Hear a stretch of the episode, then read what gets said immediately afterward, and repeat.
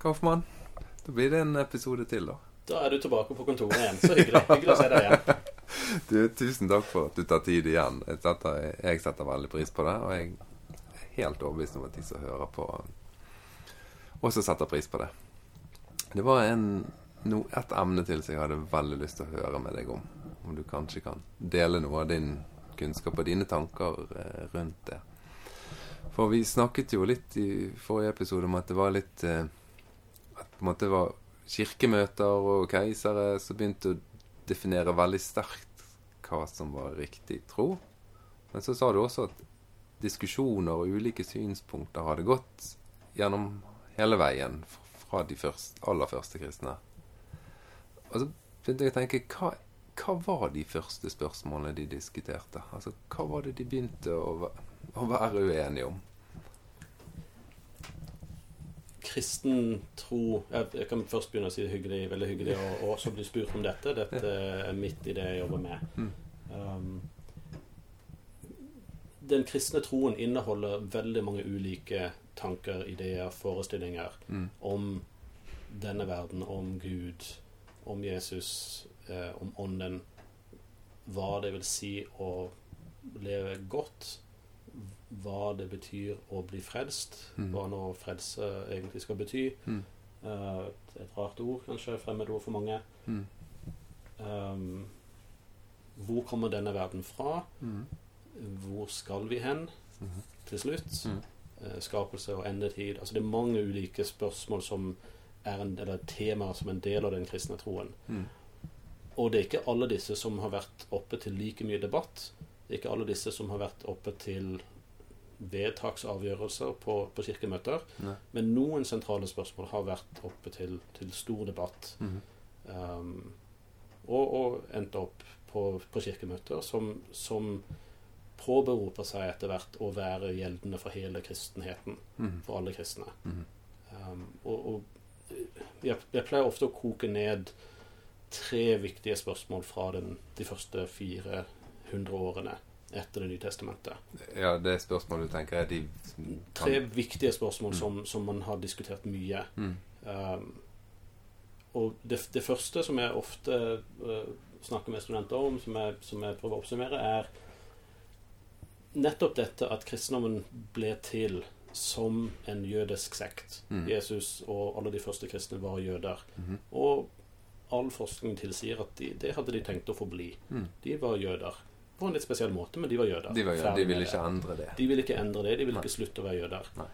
Når man gradvis får en forestilling om at de er noe annet enn jøder, Mhm. så melder spørsmålet seg med en gang ja, hva er forholdet da mellom denne nye kristentroen Mhm. og, og den jødiske troen? Ja.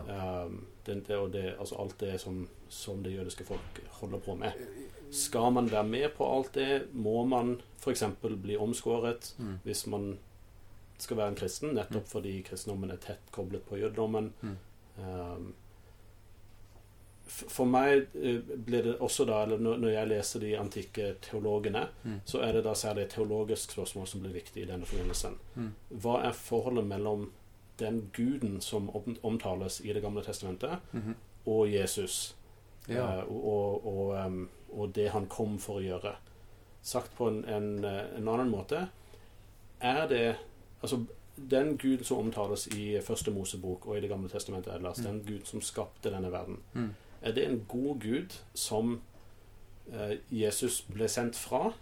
Mhm. Eller er egentlig skaperen en, en slem eller en ond gud um, som, som ikke sendte Jesus? Ja, det, det er jo ikke noe merkelig hvis de i utgangspunktet tenkte at Gud var en ond gud. Det er jo eh, mye ondskap i denne verden. Vi lever i en verden som er preget av, av synd og forfall. Um, Ja, og, og er spørsmålet altså Man kan stille spørsmål Kom Jesus for å redde oss nettopp fra en ond verden skapt av en ond gud? Eller bør man fastholde en, en altså en tankegang fra Det gamle testamentet, en, en, sannsynligvis en bedre lesing av Det gamle testamentet, Mm. at skaperen er god. Den, den, mest rett fram lesningen av Første Mosebok er jo at skaperen er god. Ja, det gikk jo dårlig med denne verden ved syndefallet, Mm. men skaperen, den som skapte denne fysiske verden, er god. Mm. Uh, og hele Det gamle testamentet, jøde, jødefolkets, israelsfolkets historie, er jo et Altså Gud som jobber med å gjenopprette denne, denne verden. Ja, men samtidig så gjør Gud helt groteske ting. sant? Mm. Utsletter hele folk, tvinger til etnisk rensing. eh, Dette vet du godt om når du har eh, skrevet deg gjennom deler av denne historien. ja, ja. Eh, ja det, er- det er helt riktig. Og så kan man spørre Ja, Jesus sier så mye fint, Mm. har en så god etikk. Um, ble han sendt nettopp fra Gamle testamentets Gud? Mm. Um, og, og først og fremst kommer dette som et spørsmål da Ble han sendt fra skaperguden? Mm. Um, eller er den som skapte denne verden slem? Denne verden, alt det fysiske, er, er elendighet. Mm. Og Jesus kom fra et helt annet sted. For å frelse oss, frelse oss fra denne elendigheten. Det er det som, er, det er det som ligger i dette spørsmålet. Kom Jesus fra en, en helt annen gud? Ja. Ikke skaperen av denne verden, men fra en helt annen gud. Ja. Um, og helst da en, en gud som er mye høyere oppe på rangstigen. Hvis man kan rangere ulike guddommelige vesener. Ja. Den høyeste gud i denne forestillingsverdenen jeg snakker om, den høyeste gud, Ja. er en, en, en god gud Mhm. som sendte Jesus Mm. for å redde oss fra en, Mellomgud. en mellomgud, en gud mye lavere på rangstigen, som skapte den elendige verden uh, som vi er en del av. Huh. Gud sendte Jesus for å redde oss fra denne elendige verden og den elendige skaperguden. Det er en måte å tenke på Ja. som får fotfeste på i hvert fall i løpet av hundretallet. ja. Og så er det en samtale først og fremst igjen i, i tekster blant teologer. Mm. Ingen maktinstanser, ingen som har noe, noe sverd eller noe, noe pisk for å tvinge gjennom sitt synspunkt, Mm. men en samtale Mm. i tekst om hvordan man skal forstå alle disse tingene. Og han som jeg har jobbet da mye med, Ireneus, på Mm. slutten av 100-tallet, Mm. går kraftig inn i denne debatten for å ja, For å snakke om, for å befeste sammenhengen mellom skaperen og Jesus. ja, så han og mente veldig skaperen er en god gud. Det mener Ja, Ireneus. Ireneus. Ja. Skaperverket er godt. Skaperen er en gud, god gud. Skaperverket er godt. Mm. Ja, det har gått dårlig pga. syndefallet Mm. og forfall og dødeligheten som kom inn i verden. Mm. Men den sammenhengen er utrolig viktig for han. Helt avgjørende for hans teologi. At skaperen er god, skaperverket er god, og den skaperguden som vi leser om i Første Mosebok, Mm. er den som sendte Jesus. Det betyr at eh, alle, altså hele det vi kaller Det gamle testamentet, Mm. er en viktig del av Bibelen for Ireneus. Det finnes kristne på denne tiden, midt på 100-tallet, som vil si nei, hele den jødiske biten det er ikke viktig for oss lenger. Vekk. Nettopp fordi at den guden som beskrives der, er slem, eller, Mm. eh, eh, og, og den, den guden har ingenting med Jesus å gjøre. Mm. Eh, så da skal ikke vi lese, eller de, de tekstene er ikke viktige for oss. Nei. Så det er en, en eh, bevegelse på 100-tallet, enten til å bare kutte ut hele det, det vi kaller Det gamle testamentet, den hebraiske bibelen, Mm. en som heter Markion, eh, går inn for dette, eh, eller i det minste å snu de litt opp ned Mm. og si nei, det, det dere har trodd er en god skapergud i første Mosebok, det er egentlig en slem gud. Bare liksom lese det litt, litt baklengs, litt opp ned, opp ned. Mm. Hvem er skurken, og hvem er helten i første Mosebok? Nei, skurken er skaperen, helten er slangen. er en yeah. måte å lese Det gamle testamentet. Og Ireneus tar et oppgjør med alt dette, Mm. Uh, med hele den tenkningen, Mm. og avviser det. Mm. Eh, bruker store deler av sitt verk som, som kort, korte tittel heter 'Motsetterne'. Men det hadde jo ikke han gjort hvis ikke denne tanken var Hvis denne tanken ikke hadde vært Hvis det ikke hadde vært en, en, en reell trussel, Nei, Hvis det bare var tre stykker som tenkte det, så så, hadde så hadde han han ikke brukt eh, tid på det. Nei. Man bruker tid på det man mener er, er reelle utfordringer eller en reell trussel mot ens egen teologi. Ja. Um, så han bruker mye tid på dette, og, og han han vinner den kampen så til de grader at disse synspunktene nærmest blir glemt. Men selv i dag kan jo vi kjenne litt på det hvis du vokser opp i en enkelt Ja, i kristne miljøer, da. At du får en liksom følelse av at Gud er ikke riktig klok. Men heldigvis kom Jesus og, og reddet oss fra han. Ja, Interessant. Ja, for, for det at ja, hvis du synder, så straffer Gud deg. Men takk og lov for Jesus, for han kom nå og, og ordnet opp.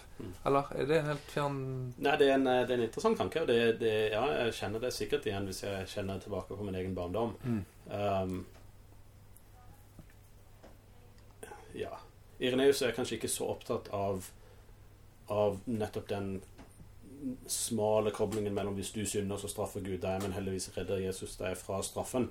Eh, han tenker i, i litt større, Større målestokk. Skjønner. Eh, ikke minst uh, tenker han på, på Ikke så mye på synden og den straff, eh, som at altså, Gud straffer deg, men, men en, den naturlige konsekvensen, som er dødelighet. Du, Ja. altså, og det, det har vi jo fra, også fra første Mosebok. Ja. Spiser du av dette, altså synder du, Mm. så blir du dødelig. Ja. Og hele altså, tanken om dødelighet Alle mennesker er dødelige. Alt forfaller. Alt går til grunne. Spores tilbake da til syndefallet. Ja. Og Jesus kom for å redde, liksom, opprette alt det. Mm. Så Jesu døde oppstandelse er ikke først og fremst tenkt som en Ja, han går inn i rettssaken og tar på seg straffen du skulle hatt. Mm. Men han går inn i døden og overvinner døden ved å sprenge den innenfra. Ved å dø og oppstå. Og da Altså, det Altså, han overvinner dødeligheten som kom inn i verden ved Men lå ikke det i den tanken at, at Jesus sitt, sin døde offer i- på en måte ga Gud eh, det nødvendige offer og ga ro? Det er jo en side ved eh, enkelte tekster i Det nye testamentet som, som Altså, det er tekster som går i den retningen. Mm. Den tenkningen er ikke det viktigste i de første 300-400 årene oh, i kirkens historie. Den ble viktigere hos senere teologer. Ja. Um, og den er, den er jo absolutt til stede i, i Det nye testamentet. Det er viktig der. Ja. Men, men det, jo, det illustrerer et annet poeng om altså hele kristendommens historie, utvikling, teologihistorie. Mm. Til ulike tider er det ulike sider ved de bibelske tekstene som blir viktige. Mm. Og i disse første århundrene er ikke den offertanken Jesu offer på korset, det er ikke det viktigste. Det er mer seieren over døden som, som er hovedmetaforen kanskje for, for å forstå hva han gjo, gjorde på korset. Ja. Ja, for den debatten, eller det som du snakker om her, med en stor skapergud som er god, som står over den skaperguden vi, eller som kommer fra jødedommen, det er jo en debatt vi ikke kjenner til i det hele tatt. Nei, den er den Hvis man hadde vært opptatt av, av gnostikerne, gnostisk tenkning, som, som ligner litt på noen New Age, moderne New Age-bevegelser osv. Hvis, hvis man har lest en del der, Mm. så har man kanskje kommet borti dette. Men, men det forsvinner fra den, den store kristne teologihistorien nettopp fordi Ireneus vinner, vinner slaget, på en måte. Han, han Ja. vinner med sin argumentasjon så til de grader at Mm. man ikke lenger trenger å diskutere dette.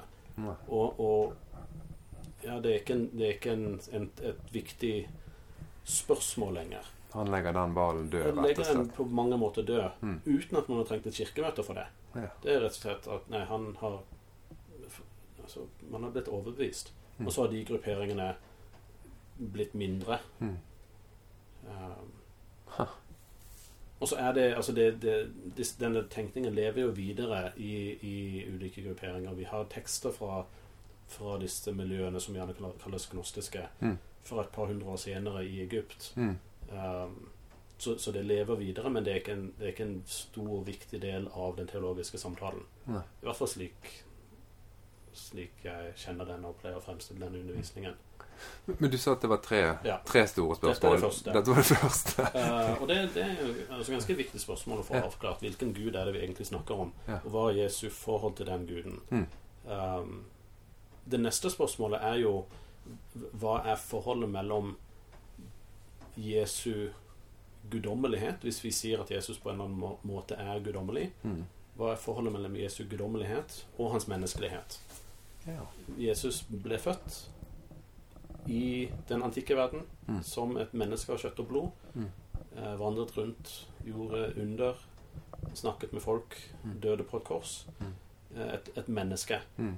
Men så, så opplevde noen veldig tidlig, etter bare noen få dager, at nei, men han har også stått opp igjen. Han lever videre. Eh, hvordan kan han leve videre hvis han bare er et menneske? Altså Hvordan kan han, kan han komme tilbake fra døden? Er det bare at Gud har reist han opp, eller er han, har han den kraften i seg sjøl? Er han guddommelig sjøl? Mm. Um, og han har gjort masse under. Folk har sett at han helbreder folk Mm. Han har reist folk opp, andre opp fra de døde. Mm. Um, det, det er noe helt spesielt med han. Mm. Er han egentlig en gud? Mm. Og så kommer hele altså, den antikke tenkningen om hva en gud er. Mange guder. Mm. Eller den ene guden som har skapt hele universet. Mm. Uh, hva er forholdet mellom denne mannen som vandret rundt i Palestina, Israel, Mm. og Gud? Er han begge deler? Er han egentlig mest menneske og litt guddommelig? Er han mest guddommelig og ser bare ut som et menneske? Man har mange varianter av svar på, på spørsmål rundt dette Mm. gjennom 100- og 200-tallet, Mm. og så blir dette det store hovedspørsmålet på 400-tallet. Før det blir det store hovedspørsmålet på 400-tallet, Ja. melder et annet spørsmål seg. Ja. Um, hvis vi sier at Jesus virkelig er guddommelig, Mm. um, og vi også sier at ånden på en eller annen måte er guddommelig, Mhm. um, og så har vi Gud skaperen, Gud fader, Mhm. har vi da tre guder? Ja. Eller, eller holder vi fast på en eh, form for monetisme? Vi tror bare på én gud. Det finnes bare én gud. Hvis, hvis vi sier at det finnes bare én gud, men vi snakker om Gud Fader og Jesus som guddommelig og Ånden som guddommelig, Mm. hvordan går det opp? Det er jo et matematisk regnestykke som ikke går opp. Nei. Og så kan vi i, i moderne tid uh, bruke ulike analogier. Uh, og noen av disse bruker de i antikken. En, en vanlig en som jeg hører predikanter bruke, er jo at vann kan ha tre tilstander, minst. Ja. Både damp og vann, flytende vann og is. Ja. Og på den måten kan vi si at Gud er både Fader, Sønn og Hellig Ånd. Akkurat som vann kan være både damp og vann og is. Så det bare Metaforen halter på den måten at de, de samme molekylene kan ikke være alle tre deler samtidig. Nei. Den samme mengden vann kan ikke være damp og vann og is samtidig. Mm. Men de kristne tenker på en eller annen måte at Gud er alle tre Mm. samtidig. Mm. Um, og så bruker man jo Men du snakket jo om Flere hundre 400-tallet. Man bruker eh, en lang, altså lang tid gjennom store deler av 300-tallet på dette spørsmålet. Hvordan er Gud tre og én samtidig?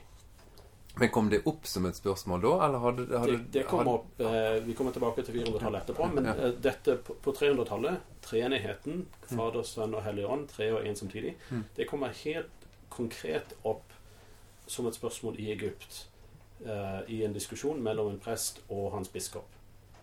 Presten heter Arius, og biskopen heter Alexander. Mm. Um,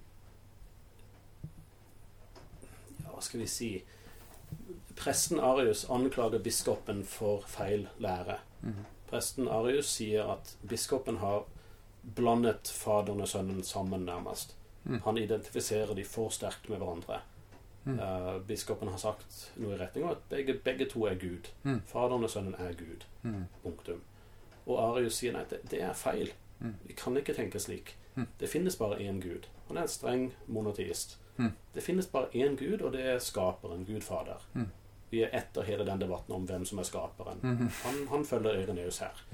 Skaperen er god, og det er den eneste guden. Og så kommer Jesus, men han er da ikke Gud. Og Arius går langt i den retningen ved å si eksplisitt det var en tid da Sønnen ikke fantes. Ja. Sønnen ble skapt Mm. av intet, Mhm. slik alt annet ble skapt av intet. Mm. Sønnen er helt, helt spesiell. Sønnen ble skapt før alt annet. Mm. Det var sønnen Gud brukte for å skape resten av verden. Mhm. Så sønnen er ikke bare et vanlig menneske. Mm. Um, helt, helt spesielt, men Mm. er ikke Gud. Slik Faderen er Gud. Sa han det så Han sa det så eksplisitt. Og lagde, lagde salmer som eh, de kunne synge, som, som utbroderer denne teologien. Ja. Eh, akkurat som Luther på 1500-tallet lager salmer for å utbre sin teologi. Mm. Det å synge Mm. har sterk kraft. Ja, Det I hvert ikke når vi ikke kan lese de fleste. Så, mm. Eh, Så Arius, eh, Arius er helt eksplisitt på dette. Mm. Og det er, opp, altså det er starten på en, en stor strid som går gjennom hele 300-tallet. Eh, som i første runde ble avgjort ved kirkemøtet i Nikea. -hmm. Konstantin har eh, blitt kristen. Mm. Han ser at kirken holder på å splittes i dette spørsmålet. Mm. Det blir to fløyer. De som støtter Aleksanders syn, hvor Faderen og Sønnen er, er Gud, begge to. Mhm. Eh, ånden snakker man ikke så mye om i denne debatten. Mens Arius sine tilhengere sier nei, sønnen er ikke Gud, han er en skapning. Mm. Um, det er jo makt og økonomi, ikke minst, innblandet i dette. Konstantin vil støtte kirken, Mm. Men eh, hvilken kirke skal han støtte? Han vil ikke ha en splittet kirke. Vil ikke ha en splittet kirke. Og, altså, hvis han skal gi penger, Mm. statlige penger til en kirke, Mm. så vil han gi til den riktige, som har Gud på sin side. Og da blir det ikke bare en sånn ja, stikke fingrene opp for å finne ut hvilken vei blåser vinden. Nei, vi må finne ut hva som er sant.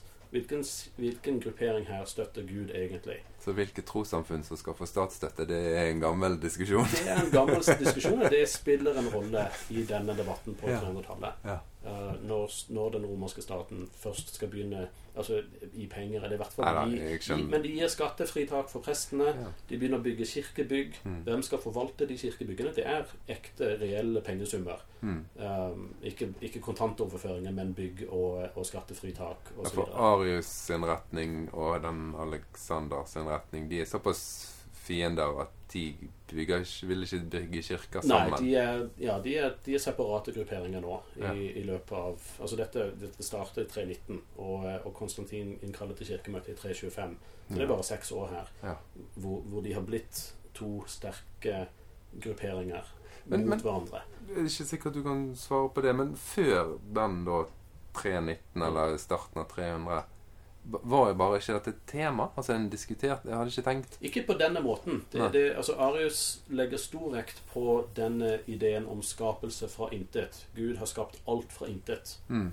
Og det det er på en måte å sette to streker mellom Gud og alt annet. Ja. Og, og det er, altså Man har tenkt litt rundt dette tidligere. Ja, Gud har skapt denne verden, Mm. men ikke utkrystallisert det så tydelig. Mm. Gud på den ene siden har skapt alt av intet på Mm. den andre siden. Mm. Det er som å sette en absolutt strek mellom tilværelsen. Mm. Det, det vokser frem i betydning på begynnelsen av 300-tallet. Mm. Og da, da er det en naturlig konsekvens å spørre ok, hvor setter vi Jesus i det regnestykket. Mm. Plutselig er det blitt en, et absolutt skille i tilværelsen. Er Jesus på den siden hvor alt det skapte er, eller er han på den siden hvor den uskapte guden er? Så, sånn at det har ikke vært tematisert på denne måten før. Nei. Og derfor kommer det en ny diskusjon på 300-tallet. Um, og Konstantin da altså ser når han skal begynne å støtte seg til kirken mer og mer, og gi sin støtte til kirken Ok, nå er det en splittelse her. Mm. Uh, hvem skal jeg gi penger til? En annen side av den debatten er um, Hvis vi virkelig tror på Gud, Mm. og, og Gud hjelper oss, keiseren, jeg, meg og, og mitt rike Mm. Hvis Gud skal hjelpe meg, uh, så, så må vi dyrke Gud på rett måte. Mm. Dette er en klassisk romersk tenkning. Mm. Gudene i, i førkristen Mm. Gudene hjelper oss når vi dyrker dem på rett måte. Hvis vi ikke dyrker dem, hvis vi lar være å ofre, hvis vi dyrker dem feil, så blir de sure på oss. Og, og da hjelper de ikke oss lenger. Og Konstantin arver denne tenkningen og, og tar den med inn i, i sin kristendom. Men da er det ikke lenger de gamle gudene, Nei. men det er den kristne guden. Ja. Hvis vi dyrker den kristne guden feil, Så blir han sint. da ja, blir sint eller trekker sin støtte tilbake, vil ikke hjelpe oss lenger. Mm. Og vi må jo ha Guds hjelp for å styre dette riket. Mm. Derfor er, er den riktige gudsdyrkelsen viktig for Konstantin, og en enhetlig. For, for Gud er i hvert fall ikke fornøyd hvis, hvis man har konkurrerende kirker. Altså Du opplever ikke at Konstantin bare er liksom taktisk her og skal finne den gruppen som blir størst, og så vinne mest han, han, Du føler For det har vært skrevet så utrolig mye okay. forskjellig om Konstantin, om hans motiver, og når han Ja. blir en kristen. Nå Ja. er, er det bare taktikk. Nei, det, Så det, det er et kjempesvært eh, Ja. tema. da tar ikke vi det. Eh, sant? Og, og, men jeg, jeg tenker at det, at det er en, en blanding av alle disse tingene. Jeg tenker at han det, For meg gir det mening at, å si at han tenker som sine forgjengere som keisere. Ja. Men hvor de satte de mange ulike romerske gudene opp og sa vi må dyrke de mange gudene på rett måte, sånn at de skal hjelpe oss. Ja. Så sier Konstantin vi må dyrke den kristne guden på rett måte, slik at den kristne guden skal hjelpe oss. Ja. Og, da, og det spiller inn i denne debatten. Ok, Da må vi finne ut hvilken av disse grupperingene som har rett. Og så lander man på at, det, altså at Arius tar feil, Mm. Alexander har rett. Eh, faderen og sønnen er begge to Gud på Mm. samme måte. Mm. Det går ikke an å si. Og man eks eksplisitt fordømmer man noen læreutsagn fra Arius. Det er feil å si at det var en gang at Sønnen ikke fantes. Nei, Sønnen har vært Gud fra evighet av. Mm. Eh, så man understreker at Faderen og Sønnen er Gud. Helt og fullt. Kan, går det an å si noe om at hvis du hadde truffet en kristen i år 90 Hadde han ment noe, hadde skrevet noe som ga an å si noe om hva den hadde tenkt om Jesus som Gud, eller eh, eller Blir det søkt spørsmål, dette her? Jeg tror ikke det er et søkt spørsmål. Jeg, jeg, jeg tror dis, dette spørsmålet reiser seg helt naturlig. Mm. Vi var litt inne på det tror jeg, i forrige podkast om Mm. Altså, Jesus står opp for det, og ikke, ikke minst i starten nå. Mm. Jesus står opp for de døde, Mm. ifølge fortellingen. Mm. Uh, han gjør mirakler. Han er noe det, mer. det er noe mer med han. Mm. Han er helt spesiell. Mm. C.S. Lewis sier en gang at, at altså, enten så er Jesus virkelig Gud, eller så er han gal. Og da velger jeg å tro at han er Gud, sier. C.S. Lewis. Ja. Sånn, for, altså, alt det han gjør, og alt det han sier, Mm. plasserer han i en kategori sammen med, med Gud. Men man bruker hundrevis av år på å finne ut hva, hva det betyr. Eh, Og spørsmålene, og nøyaktig hvordan man stiller spørsmålene, og nøyaktig hvilke svar man gir, Mm. de skifter med årene.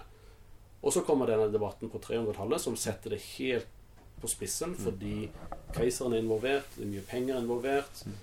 Eh, kirken holder på å splittes reelt. Mm. Man tar parti for den ene eller den andre siden, Mm. eh, og så forsøker man å finne en løsning.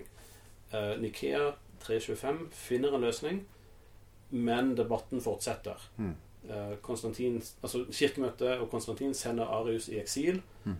men etter ikke veldig lang tid så, så trekker Konstantin det tilbake. Han, han vil egentlig ha enighet. Kan ikke dere bare bli enige? Trekker Arius litt inn i varmen igjen. Mm. Uh, mange vil kanskje si han forkludrer det igjen. Mm. Uh, og så fortsetter debatten i 50 år til, eh, og mer, fram til eh, 380. Og i 380 kommer da denne keiser Theodosius, som vi snakket om i forrige podkast, Mm. som sier vi vil at alle skal følge den kristne troen, slik, kei- slik biskopen i Roma og biskopen i Alexandria gjør. Mm. Og det er den ortodokse troen som Nikea fremmet. Ja. Så igjen er det, dette er et innlegg i debatten rundt Arius eller ortodoks. Så han går tilbake til det vedtaket i 325 og sier Han, at på, på mm, mange måter går han tilbake til 325 ja, Mm. nettopp, og Mm. sier det er denne troen vi skal fastholde. Ja. Og nå ikke bare dere kristne eller, eller kirken skal fastholde dette, Mm. men alle innbyggerne i riket oh. skal tilhøre denne formen for kristen tro. Mm. Så, så der er det nettopp en intern kirkestrid Mm. og keiserlig religionspolitikk Mm. blandet sammen. Mm. Og, og men på mange måter er denne debatten lagt død her, Mm. med, med Theodosius i 380 Ja. eh, og kirkemøtet i Konstantinopel i 381, Ja. som bekrefter dette. På dette kirkemøtet lages det vi kjenner i Den norske kirke som den nikenske trosbekjennelsen, Mm. som vi synger eller sier hver påske og jul. Mm. Um, det, altså den teksten, den trosbekjennelsen, stammer fra denne debatten. Ble er ferdig skrevet, ferdig uttegnet i Konstantinopel 381. Mm. Når alt dette er lagt Ok, Jesus er virkelig Gud på samme måte som Faderen er Gud. Mm. Så kommer det forrige spørsmål tilbake i full fart. Mm. Ok, men hvis han virkelig er Gud på samme måte som Faderen er Gud Mm. Han er ikke bare Guds sønn, han er, han er ikke bare guddommelig. Han er på nivå med skaperen, Mm. Gud Fader. Hvordan i all verden kan han da være et menneske? Og da kommer dette spørsmålet tilbake. Mm. Forholdet mellom hans guddommelighet og menneskelighet. Mm. Det står fast. Han er Gud. Kan han virkelig være menneske da? Mm. Og det er tendenser i noen områder i kirken som trekker han enda altså lenger og lenger bort fra det menneskelige. Han blir bare mer og mer en gud Mm. som er fremmed for oss. Mm. En gud som aldri har vært ekte, ordentlig menneske, Mm. kan ikke forstå oss egentlig. Nei. Det er argumentene mot. Ja. Mens noen vil si at det er utrolig viktig at han er hevet over alt det menneskelige og det skapte. Mm. Han, han dypper nærmest bare tærne ned i det menneskelige. Mm. Um, altså Man har debatten som går da gjennom 400-tallet, og Mm. fortsetter på mange måter helt fram til 700-tallet på, på ulike måter, i, og med flere og flere kirkemøter. Eh, Vi har en rekke, fem kirkemøter Mm. fra begynnelsen av 400-tallet til 700-tallet Mm. som behandler denne tematikken. Mm.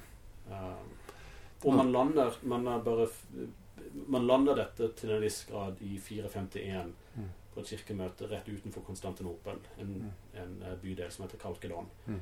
Um, med et paradoks som Det er like paradoks, paradoksalt som treenighetslæren. Mm. Et paradoks som sier at han er både Gud og menneske, fullt og helt. Ja. Begge to, begge deler samtidig, uten sammenblanding, Mm. men uten å skille de fra hverandre. Under Brumm. Ja takk, begge Mm. deler. Mm. Både Gud og menneske, og, og et mysterium. Dette kan ikke vi forklare. Ja, og så Mm. forsøker man å, å skissere det på ulike måter, og så er det et, et mysterium til slutt. Mm. Og det blir i hvert fall kirken i Romerriket og både den greske, russiske ortodokse og den katolske kirkes lære. Mm. Denne læren den lutherske kirken arver. Men det er lang debatt. Ja, det er jo Underveis. flere hundre år. Det må være en enorm slitasje i kirken òg, da. Ja, eh, definitivt en slitasje. Det, altså, og, og altså, maktkamper eh, Det er fascinerende å sitte med studenter og lese f.eks. brev skrevet fra biskop til biskop midt på 400-tallet i denne debatten. Mm. Hvor man på overflaten har en, en høflighet og ærede, ærede broder i Mm. Kristus-type språk. Mm. Men helt, helt vanvittige personkarakteristikker. Helt hinsides eh, retorikk mot hverandre. Eh, altså du er fra altså, Omtrent du er fra djevelen, du, Ja. du forderver kirken. Ja. Um, Det er bra at ikke de blir med i den bibelske kanonen. ja, kan det godt si. Og dette er på begge sider. Både Mm. det vi vil kalle ortodoks, fordi vi står i tradisjon etter de som vant disse debattene, Mm. og de vi vil, vil kalle kjettere, fordi de tapte disse debattene. Ja. På begge sider har vi helt utrolige tekster som, som river hverandre ned. Ja. Vi har også fortellinger om eh, Eller som viser hvor viktig dette var. Mm. Det er, altså det er et frelsesspørsmål å stå i den riktige sammenhengen som forvalter den kristne sannheten. Og da, ikke bare for en sjøl, men, men alle ens medmennesker, så er det et poeng å få de inn. Altså hele misjonsiveren. Å få, de, få folk inn i den, det rette trosfellesskap. Det Mm. driver man også med i kampen mellom disse ulike kristne grupperinger. Blant annet på den måten at, at det å delta i nattverdsfeiringen Mm. i den, det riktige fellesskapet, de som forvalter den riktige troen, Ja. det er viktig. Så dermed er disse lærespørsmålene også plutselig blitt et frelses- og evighets... Ja, på veldig mange måter er de det. Og det, det, det er bakgrunnen for intensiteten i dette. Ja. At det er jo frelsesspørsmålet. Ja. Men da kan man Man har en fortelling om nonner i en av disse grupperingene, da. Mm. Som blir tvunget fram til nattverdsbordet i den andre grupperingen på, på 400-tallet. Mm. For å tvinge de inn i det riktige fellesskapet. Og da altså delta i nattverden og Mm. motta nattverden er tegnet på at du er innenfor dette kirkelige fellesskapet. I denne gruppen, ja. Mm. Eh, så, så man, i hvert fall i en fortelling hvor man ikke ikke forsøker å overbevise dem om at dette er sant, du bør, du bør bli med oss. Mm. Men sleper de fram og tvinger i de nattverden. Altså man, nærmest, altså man må omtale det som en, et overfall. Ja. Nærmest som voldtekt. Ja. Eh, altså nattverdsdeltakelse ved tvang. Ja. For at de skal være en del av det riktige fellesskapet. Det, det viser noe av intensiteten i dette. Eh, Ja, men- Ja, og og da så, og så tar keiserne valg hvilken side de støtter, og det, det skifter fra keiser til keiser. Hvem av disse grupperingene de, de støtter. Men det virker så utrolig annerledes enn det som jeg har fått i mitt hode har et bilde av den hva de kristne fra starten av var opptatt av.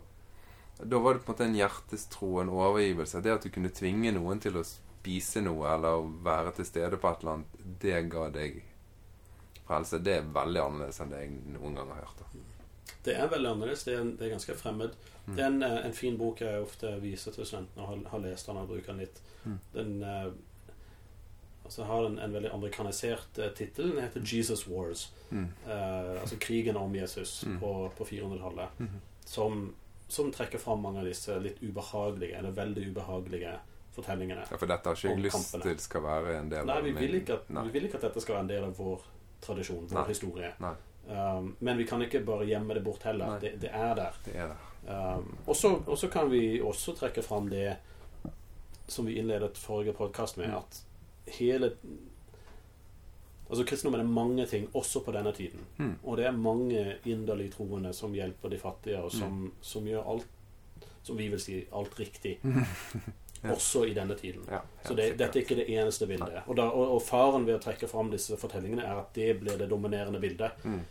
Men, men alt det andre er også til stede. Ja. Ja, men det er jo noe du lærer ganske fort når du begynner å lese historie, at det er, nyan det er nyanser hele tiden. da. Det er mange fortellinger hele tiden. Ja. Og så velger man ut noen man forteller og legger vekt på. Ja. Mm. Var det flere? Nei, det var de, eh, det var de tre. Eh, Ja. Altså dette, dette spørsmålet om hvem Altså Jesu, forholdet mellom Jesu menneskelighet og guddommelighet, Mm. det har man eh, før 300-tallet. Mm. Det er en viktig samtale Mm. som landes på noen måter. Mm. Og så har man samtalen på 300-tallet om forholdet mellom Fader, Sønn og Hellig Ånd. Mm. Og når man lander den, på, de, den samtalen på den måten at Sønnen virkelig er Gud, Mm. helt på linje med Faderen Mm. Det er ingen gradsforskjeller. Mm. De er Gud på sam, nøyaktig samme måte. Da, da kommer spørsmålet tilbake igjen. Mm. Ok, men er, kan han virkelig være menneske, da? Ja. Eh, Men, men inni dette her så må de også ha diskutert dette med, med de tekstene som skal bli de hellige tekstene. Hvilke, hvilke tekster som er de hellige tekster, det er helt klart en del av, av uh, hele denne perioden, i hvert fall. Ja. Uh, og no, altså de samme folkene som, som diskuterer disse teologiske spørsmålene, er også med på hele samtalen om tekstene. Mm. Um, en lang egen prosess. Um, på mange måter en organisk prosess. Ikke vedtaksbestemmelse at dette skal være Bibelen vår. Det er i liten grad en sånn prosess. I mye større grad en organisk prosess hvor det vokser fram Dette er de viktige tekstene for oss. Dette Og det det vokser fram en enighet gjennom bruk. gjennom bruken. Og allerede på 100-tallet og, og inn i 200-tallet så er det stor grad av enighet. Ja. Det er dis noen diskusjoner om, om ytterkantene. Skal, skal Johannes' åpenbaring Mm. være en del av, av våre hellige tekster som vi leser i kirken? Mm. Det er som et kriterium. Leser vi dette høyt i kirken, da er det, Mm. da er det med i de hellige tekstene våre. Og Johannes' åpenbaring var en omstridt tekst. Hebreabrevet, Mm. hvor man allerede da hadde en diskusjon om hvem, hvem som Hvem som skrev skrevet det. Er dette Mm. Paulus eller er dette Mm. noen andre? Mm. Det var omstridt i noen områder. Mm. Men, men alt det vi kjenner som Paulusbrevene, evangeliene, Johannes, nei, um, apostlenes gjerninger Alt det var, var det stor grad av enighet om i løpet av Ja. 100-tallet. Og siden de da landet på at Gud fra de hebraiske gammeltestamentlige tekstene er, er guden, så var vel det òg en føring for at de gamle, tekst, gamle testamentet òg skulle være en del av Absolutt. de Det kristne også, hellige tekstene. når, man, når man er enig om det, så er, er de jødiske hellige skriftene også med. Ja. Uh, ja. Jon Kaufmann, historiker på MF. Mm. Ikke lenger Menighetsfakultetet, men MF. Heter fortsatt MF, som jo er en forkortelse for Menighetsfakultetet. ja. Tusen takk. Du er utrolig flink, og jeg liker godt å høre på deg. Så det tror jeg også mine lyttere gjør. Så hyggelig å, å prate med deg. Takk for nå. Takk for nå.